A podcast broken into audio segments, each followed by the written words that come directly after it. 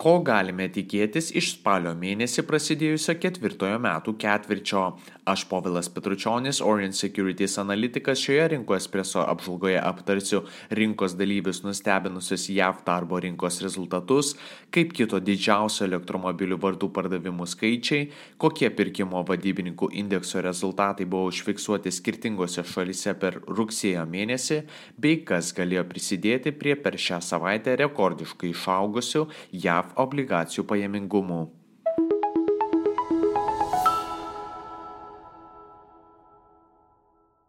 Svarbiausi praėjusios savaitės įvykiai. Junktinės Amerikos valstijos. Rinka nustebinusi darbo rinkos statistika.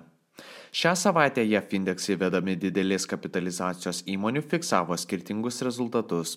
S&P 500 kilo apie 0,5 procento, Nasdaq 100 apie 1,8, tuo tarpu Dow Jones 30 krito apie 0,3 procento.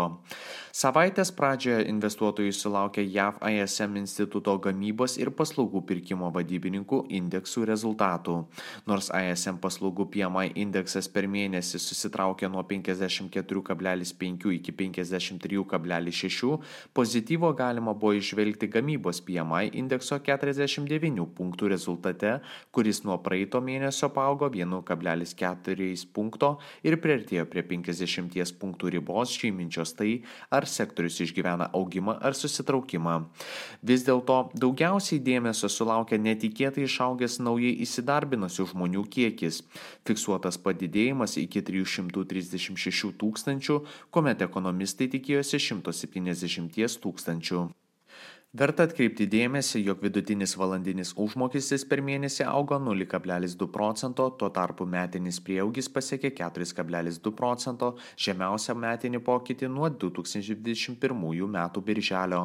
Kita vertus, nedarbo lygis išliko toks pat kaip ir praeitą mėnesį, tai yra 3,8 procento, nors ekonomistai projektavo sumažėjimą iki 3,7 procentų.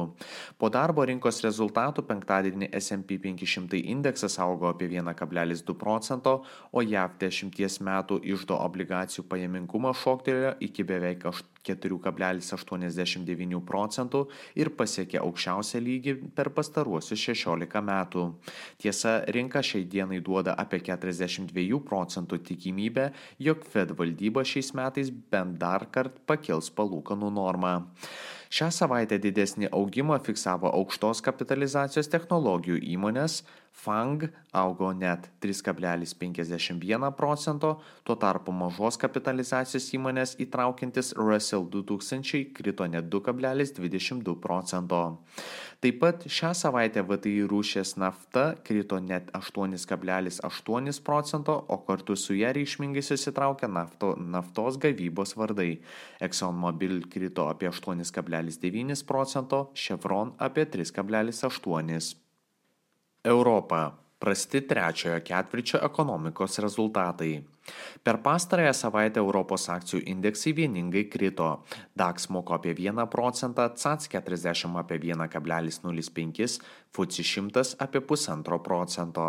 Šią savaitę nepasižymėjusią reikšmingais makroekonominiais įvykiais ar išleistais duomenimis buvo atkreipiamas dėmesys į silpną eurozonos ekonomikos pasirodymą per trečiąjį šių metų ketvirtį. S&P Global agentūros eurozonos pirkimo vadybininkų indekso rezultatas rugsėjo mėnesio duomenimis duomenimis siekė 47,2 ir fiksavo ketvirtą mėnesį žyminti susitraukimą iš eilės. ES statistikos tarnyba pranešė apie per birželio mėnesį susitraukusius mažmeninius pardavimus 1,2 procento. Didesniam neįtikėtasi susitraukimui įtakos turėjo kritę kūro, siuntų bei internetinės prekybos užsakymai. Kita vertus, pasirodė naujienos apie tai, jog Vokietijos industrijos sektoriaus užsakymai per rūpjūtį atšoko ir augo 3,9 procento, kai tuo tarpu Liemo, Liepos mėnesį buvo fiksuotas 11,7 procentų susitraukimas. Labiausiai įsiskyrė augantis kompiuterijos, elektronikos ir optikos produktų užsakymai. Kita vertus, Vokietijos eksportas per rūpiučio mėnesį susitraukė beveik 2 procentus, o prekybos balansas sumažėjo iki 16,6 milijardų eurų. Antrą savaitę iš eilės prastą pasirodymą fiksavo Europos komunalinių paslaugų įmonės. Anglijos National Grid krito apie 4,5 procento, Veolia apie 3,5, taip pat Adidas fiksavo 4,4 procento nuosmukį, tuo tarpu Mercedes-Benz krito 3,1 procento. Azija. Gandai dėl Japonijos vyriausybės intervencijos ir atsigaunanti Kinijos gamyba. Azijos akcijų rinkos šią savaitę išgyveno santykinai stiprų kritimą. Hang Seng smuko apie 1,8 procento, Japonijos Nikkei 225 apie 2,7 procento. Šią savaitę plačiai pasklido gandai, jog Japonijos finansų ministerija atliko intervenciją į valiutų rinką po to, kai buvo pasiektas 150 jenų už vieną JAV dolerį lygis. Prieartėjus šio lygio kaina labai greitai pajudėjo priešinga kryptimi. Japonijos finansų ministerija nei patvirtino, nei paneigė šių gandų. Bendras savaitinis Japonijos jenos ir JAV dolerio valiutų kursų pokytis buvo apie 0,07 procento. Kinijoje pasirodė pozityvios naujienos apie pirmą kartą nuo kovo užfiksuotą gamybos sektoriaus augimą. Gamybos pirkimo vadybininkų indeksas rugsėjo mėnesį siekia 50,2 punktų, kuomet į rūpjūtį buvo fiksuotas 49,7 punktų rezultatas. Šią savaitę Japonijoje išskirtinai prastai pasirodė Panasonic ir Nissan, kurių akcijų kainas krito atitinkamai apie 8,2 ir apie 8,1 procentą. Populiariausios savaitės antraštės. Manoma, kad JAV recesija vis dar tikėtina ir gali netrukus prasidėti. Bloomberg Economics išvelgia galimas didesnių palūkanų ir naftos kainų rizikas. Pastebima, jog pranešimai apie vadinamą minkštą nusileidimą soft landing ir padidėjusi optimizmą būna būtent prieš recesiją. Teigiama, kad stipriai didėja nedarbo bei FED palūkanų kelimo poveikio ekonomikai rizikos. Rugsėjai sparčiai augo naftos kainos ir išdo obligacijų pajamingumas. Daugumai JAF namų ūkių baigėsi papildomos santaupos, tai rodo mokėjimų vėlavimo rodikliai, kurie kol kas dar nėra dideli, tačiau pradėjo aukti.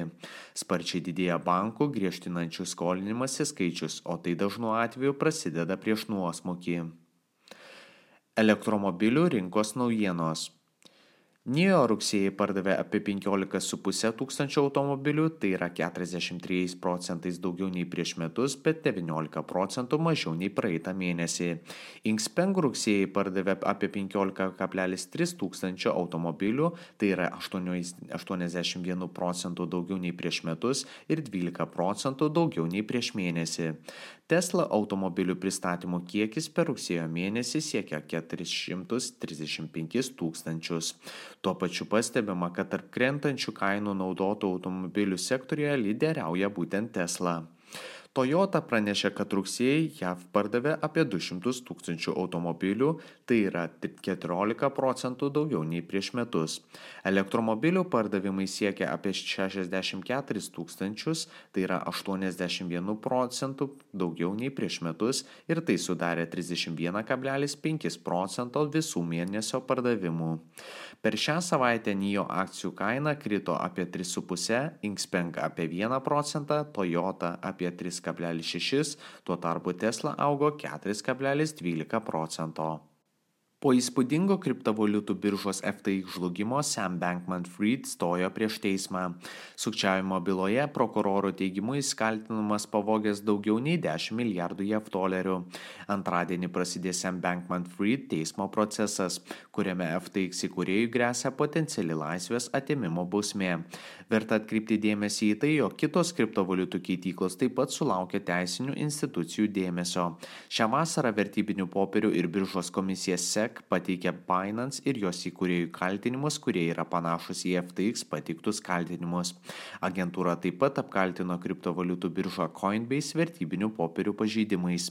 Per savaitę Bitcoin kaina krito apie 40 procento ir siekia apie 37 850 JAV dolerių. Ateinančios savaitės įvykiai. Pirmadienį bus paskelbti Vokietijos pramoninės gamybos mėnesinio pokyčio rezultatai. Prieš mėnesį paskelbti duomenys rodė 80 procento sumažėjimą. Dabar prognozuojamas kiek mažesnis tempo susitraukimas. Trečiadienis turėtų būti pažymėtas Vokietijos naujausių infliacijos bei JAV gamintojų kainų indekso PPI duomenų paskelbimu. Prognozuojama, kad Vokietijos mėnesinė infliacija išliks stabili, tai yra 30 procento, o metinė mažės nuo 6,1 iki 4,5 procentų. Be to tikimasi ir JAV gamintojų kainų indekso mėnesinio mažėjimo. Ketvirtadienį bus paskelbti JAV infliacijos duomenys. Laukiama kiek mažesnio, tai yra 30 procento bendros infliacijos mėnesinio pokyčio, lyginant su prieš tai buvusiu 60 procento lygiu. Tuo pačiu tikimas infliacijos metinio mažėjimo nuo 3,7 iki 3,6 procentų. Savaitės pabaigai penktadienį pasirodys Kinijos infliacijos bei priekybos balanso rezultatai. Be to bus skelbimi preliminarus JAV Mičigano universiteto vartotojų nuotaikos indekso duomenys. Prognozuojamas Kinijos metinės infliacijos augimas nuo 0,1 iki 0,2 procento, bei priekybos balanso didėjimas nuo 68,36 iki 70 milijardų JAV dolerių. Tuo tarpu laukiama nežymiai prastėjančių JAV vartotojų nuotaikų remiantis Michigano universiteto indeksu. Ačiū visiems klausysiems ir gražios jums savaitės.